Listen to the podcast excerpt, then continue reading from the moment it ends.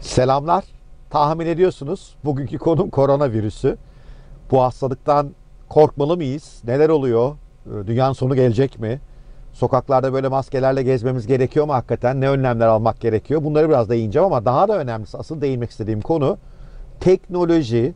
Benim de çok meraklı olduğum DNA dizelemi teknolojisi ve CRISPR gibi DNA değiştirici tedavi yöntemleriyle bu hastalığı neden çok çabuk aslında yenme ihtimalimiz var? Ondan bahsedeceğim. Ama müsaade ederseniz önce şu maskeden bir kurtulayım. Ses kalitesini bozuyordur. Burada zaten tek başımayım. Herhalde kendi başıma hastalık bulaştırmam. Şimdi önce çok kısa bir e, teknik bilgi verip başlayayım. Bu bir grip virüsü aslında. Hemen öyle düşünmek lazım. İşte daha evvel dünyanın başına e, dert olan SARS veya MERS gibi virüslerden bir farkı yok. Farkı genetik yapısında ve protein yapısında. E, ondan dolayı da bunun henüz şu anda aşısı tedavisi yok ama bu bir grip e, virüsü. Grip virüsü olması demek de solunum yolunuza bulaşıyor. Fakat tipik bir grip gibi işte bunu burnunuzda, sinüslerde hissedip atlatamıyorsunuz. Doğrudan ciğere gidebiliyor. O yüzden de ölümcül olma ihtimali var. Tehlike burada, sıkıntı burada. İlk ortaya çıktığı yer Çin. E, bu e, Çin'de 7 Ocak'ta ilk e, teşhis konuyor. E, 44'e yakın hastaya. E, bunların virüslerinin e, tipik bir grip virüsüne benzemediği yepyeni bir tür olduğu ortaya çıkıyor. Hemen e, Çin bu konuda harekete geçiyor. 11-12 Ocak gibi de bu e, işin başlangıcının e, Çin'de bir deniz ürünleri e, marketi olduğu ortaya çıkıyor pazarı. E, ve muhtemelen yarasadan veya yılandan bulaşmış olabilecek Çinliler bu tip ürünleri yiyorlar maalesef. Ülke biraz geniş. E, o yüzden hep açlıklarla mücadele ettiği için geçmişte bu alışkanlıklar biraz yerleşmiş.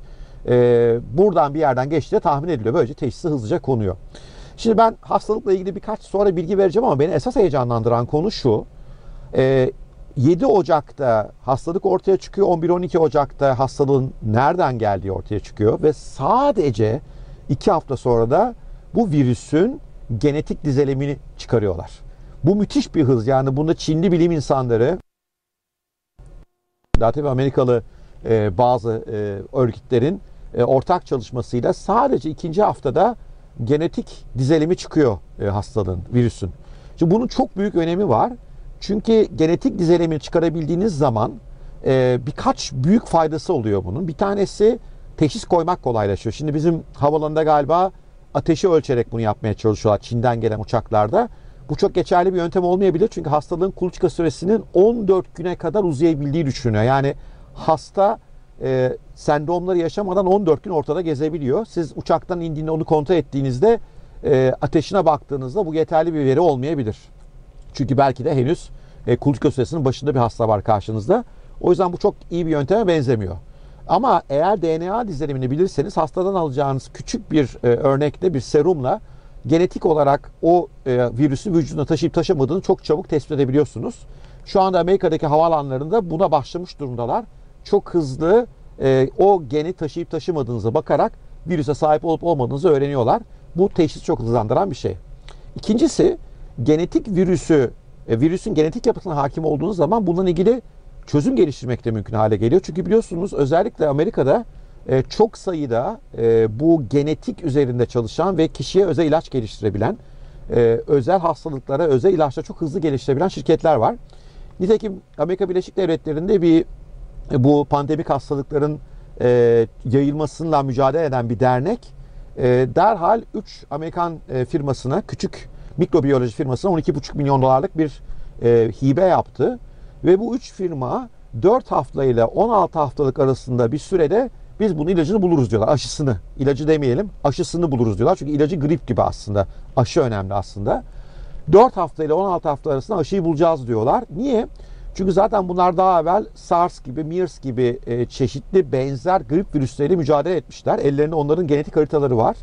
Şimdi bu yeni genetik haritayı onlarla kıyaslayıp orada kullanılan metotların, yöntemlerin hangisinin bu hastalığın aşısı haline gelebileceğini tespit edecekler. 4 hafta ile 16 hafta. Bu inanılmaz bir süre. Ee, normalde aylar, yıllar alan bir süreçtir e, bu. İşte bunu mümkün kılan DNA dizelimini hızlı çıkartmak, veri. Çünkü ellerinde bu e, şirketlerin binlerce e, virüsten ilgili e, genetik dizelem verileri ve e, bunlara ne yaparsak doğru aşı, aşı geliştiği konusunda da veriler var. Bu sayede bu firmalar 4 hafta ile 16 hafta arasında biz bu işi çözeceğiz diyorlar. Yani ben bu yönünü çok hakikaten enteresan buldum. İnanılmaz hızlı gelişiyor iş. Daha da enteresanı bu virüsün genetik yapısı Gen Bank denilen bir genetik bankasına yüklenmiş durumda. Dünyanın dört bir tarafından bu konudaki araştırmacılar oradan e, verileri alıp kendi laboratuvarlarında da incelemeler yapıyorlar. Yani dev bir yarış var. Bu üç firmayla kısıtlı değil. Bu veri herkese açılıyor şu anda ve pek çok insan bunun üzerine çok hızlı çözüm geliştiriyor. Yani şimdi kıyaslama yapmak gerekirse mesela SARS'ta ilk e, teşhisin konması 5. ayı bulmuştu. Yani SARS'ın başka bir virüs olduğunu tespit etmek 5-6 ay sürmüştü. Burada neredeyse 3-4 günde bu işi hallettiler. Genetik dizilimin çıkarılması 6-7 ayı bulmuştu. E, aşının gelişmesi de bir buçuk yıla yakın bir süreçti. Okuduğum bilgilerden bakarak bunu söylüyorum. Bu sefer ise 4 haftayla e, 16 hafta arasında işin ilacını bulmuş olacağız gibi gözüküyor. Tabi bu gerçekleşir mi gerçekleşmez mi bilmiyorum. Ama araştırmacılar, e, gazeteciler bir sürü kaynak okudum bu konuda. E, bundan epey e, güveniyorlar. Bu arada maskemizi takmalı mıyız? Bence takmalıyız. E, onu da söyleyeyim. Özellikle kalabalık yerlere giriyorsanız. Mesela ben buradan şimdi bir e, ne yazık ki alışveriş merkezine gireceğim. Kısa bir toplantım var. E, takıyor olacağım e, aş, şeyimi, e, aşımı, e, affedersiniz maskemi. E, artı e, işte hijyen malzemelerini kullanmanıza fayda var. Jeller vesaire. Çünkü havadan geçiyor ama temasla da geçme ihtimali olan bir hastalık bu.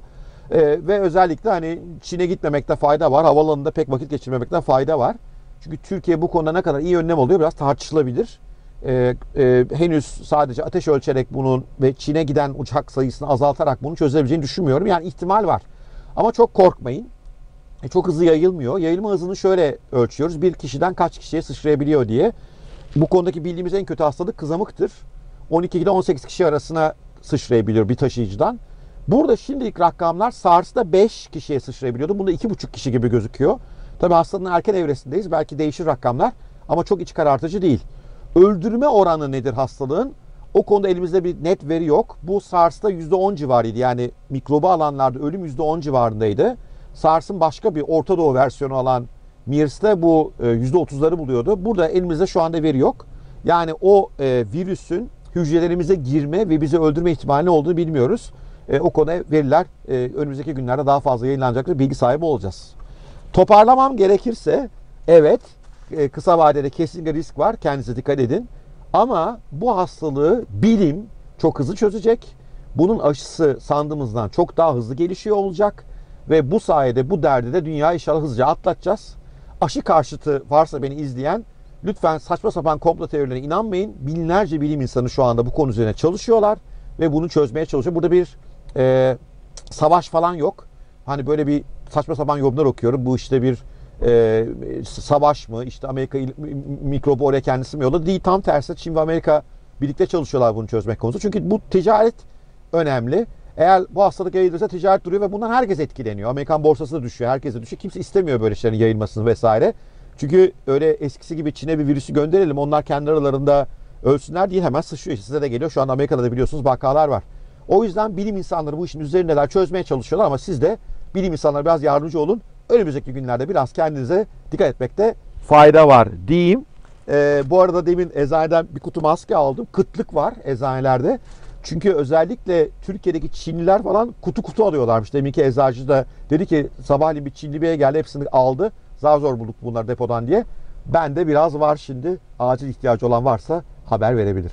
Evet görüşmek üzere. Hoşçakalın.